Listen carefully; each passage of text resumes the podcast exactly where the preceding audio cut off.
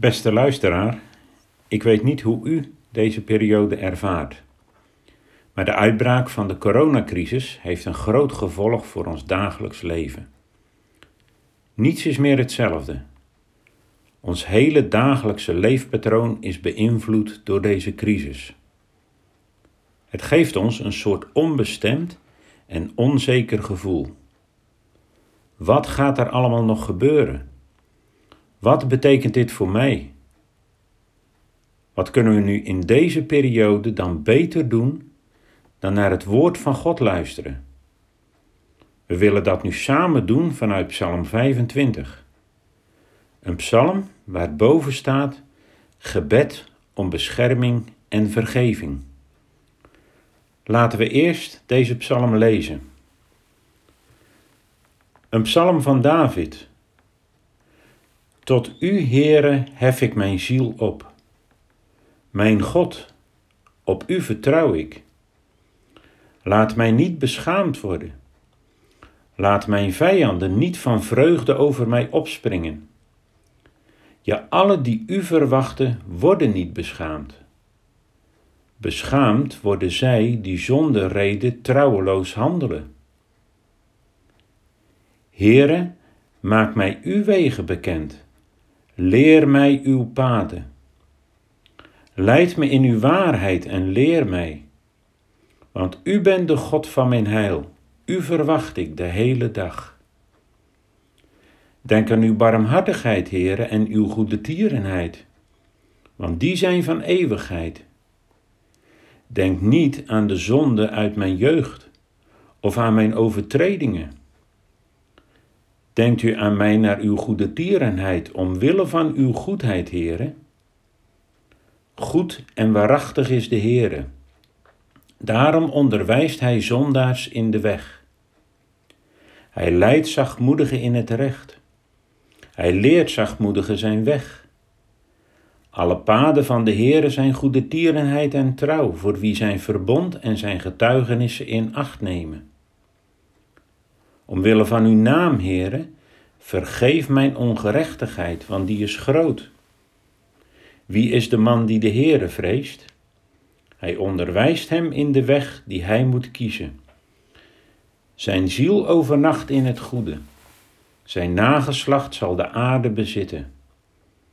Vertrouwelijk gaat de Heere om met wie hem vrezen. Zijn verbond maakt hij hun bekend.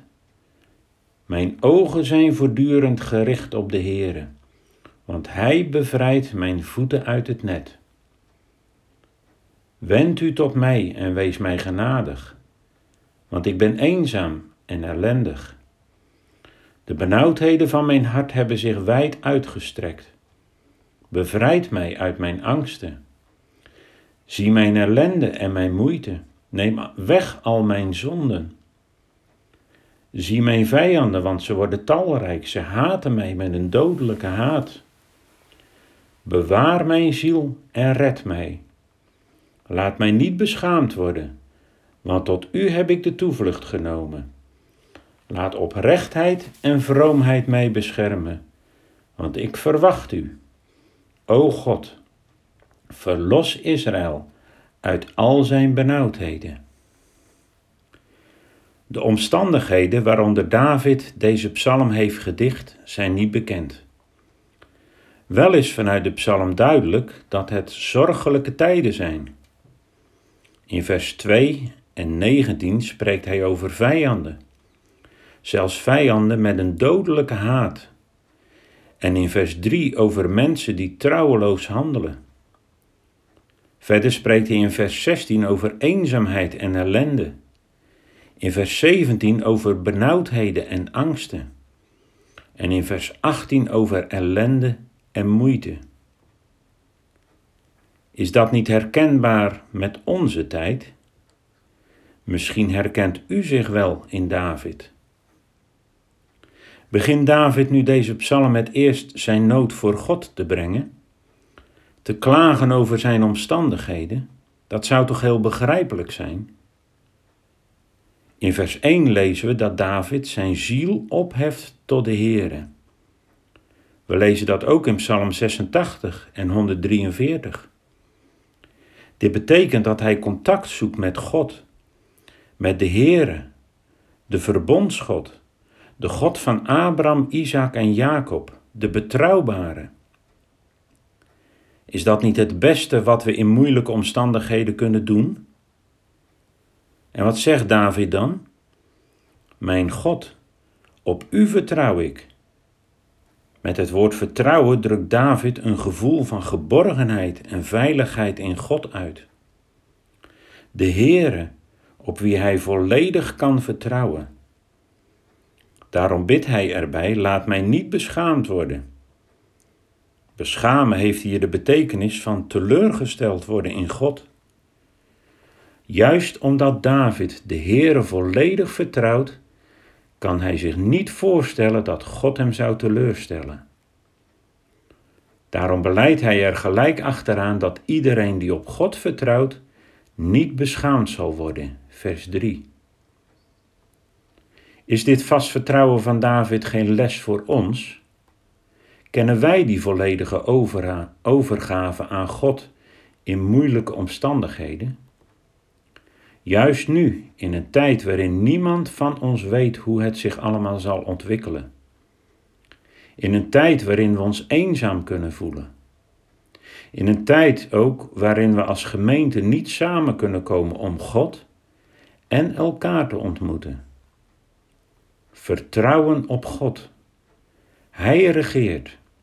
Hij kent mijn leven. In Zijn handen mag ik me veilig en geborgen weten. Wat in deze psalm opvalt is dat beleiden en bidden samengaan. Na zijn beleidenis van Gods vertrouwen gaat David bidden. Als we de psalm nauwkeurig lezen, komen we tal van verschillende beden tegen. Ik las ergens dat David zeker 18 verschillende beden uitspreekt. We kunnen die uiteraard niet allemaal in deze meditatie bespreken. Wel willen we in het bijzonder nog letten op de eerste bede die David bidt. Heer, maak mij uw wegen bekend. Leer mij uw paden. Leid mij in uw waarheid en leer mij, want u bent de God van mijn heil. Vers 4 en 5. Het is heel opvallend hoe vaak David in deze psalm de woorden leren, onderwijzen en leiden gebruikt. Ondanks zijn grote godsvertrouwen weet David zich volkomen afhankelijk van de Heere. Daarvoor heeft hij elke dag onderwijs van God nodig. Elke dag de Bijbel open. Weet u nog welke opdracht we op nieuwjaarsmorgen meekregen? Elke dag een kwartier uit de Bijbel lezen. Zo wil God ons leren. Het woordje leren heeft ook de betekenis van trainen, oefenen. Dat is dus niet iets eenmaligs, maar elke keer weer opnieuw oefenen in wat God ons te zeggen heeft. Tegelijk betekent het niet alleen iets uit het hoofd leren, maar ook in de praktijk brengen. Bij Gods vertrouwen gaat het er niet alleen om dat we mogen weten dat God betrouwbaar is, dat Hij voor ons zorgt, het gaat er ook om dat dit vertrouwen ons hele leven doortrekt. Daarom bidt David ook: Maak mij uw wegen bekend, leer mij uw paden. Wegen en paden zijn sleutelwoorden in deze psalm. Het zijn de wegen waarop de Heere wandelt, hoe dat Hij ons leven bestuurt en leidt. Juist nu, in deze crisis, kunnen er veel vragen bij ons leven. Wat heeft dit allemaal te betekenen? Wat bedoelt God hiermee? Hoe moeten we de situatie duiden? Dan is er gebed nodig of God ons vanuit zijn woord zijn wegen duidelijk wil maken. Daarom is juist in deze tijd een leven bij een open Bijbel nodig. De bede van David betekent ook leren hoe dat God wilt dat wij leven zullen. Het leven overeenkomstig zijn woord en geboden. David kent zichzelf. Hij weet wie hij als mens tegenover God is. Kijk maar in vers 7. Daar spreekt hij over de zonde van zijn jeugd, maar ook over zijn huidige overtredingen. In vers 11 spreekt hij zelfs over zijn ongerechtigheden die groot zijn. Kortom, David weet dat hij zondaar is. Daarom bidt hij ook: Denk aan mij naar uw goede tierenheid. Hij pleit hier op Gods goedheid, op Gods genade, op Gods liefde. Mag dat dan zomaar, David? Nee, David doet dat niet omdat hij trots is op zijn godsvertrouwen. Hij pleit niet op zijn geloof. David brengt ons bij de diepste grond waarom we mogen pleiten op Gods genade en barmhartigheid. In vers 8 lezen we: Goed en waarachtig is de Heere. God is genadig, maar ook rechtvaardig. Vergeving, verzoening, vernieuwing is daarom nooit goedkoop. Dat brengt ons bij het kruis van Golgotha. Daar heeft Jezus Christus aan het recht van God voldaan. Daar stond Hij in onze plaats en heeft de straf die wij verdiend hadden gedragen. Daar is de schuld verzoend. Daarom kan en wil God onze zonde vergeven. En kan Hij ons barmhartigheid bewijzen. Daar wist David van. Wij ook? Dan hebben we een vaste pleitgrond bij God de Vader. Dan mogen we vragen of God ons in deze tijd zijn weg wil leren. En omdat God goed en waarachtig is, onderwijst Hij zondaars ook in zijn weg. Zie vers 8. Leert Hij zachtmoedigen dat zijn nederigen, mensen die zelf de wijsheid niet in pacht hebben, zijn weg. Vers 9. Is dat geen troost in onze zorgen, in onze eenzaamheid, in onze ziekte? Dan mogen we het gebed van David om verlossing van Israël uit al zijn benauwdheden, vers 22, heel persoonlijk maken. Verlos mij, verlos ons uit al onze benauwdheden. Mijn schild en de betrouwen, zijt gij, o God mijn Heer. Op u, zo wil ik bouwen. Verlaat mij nimmer meer.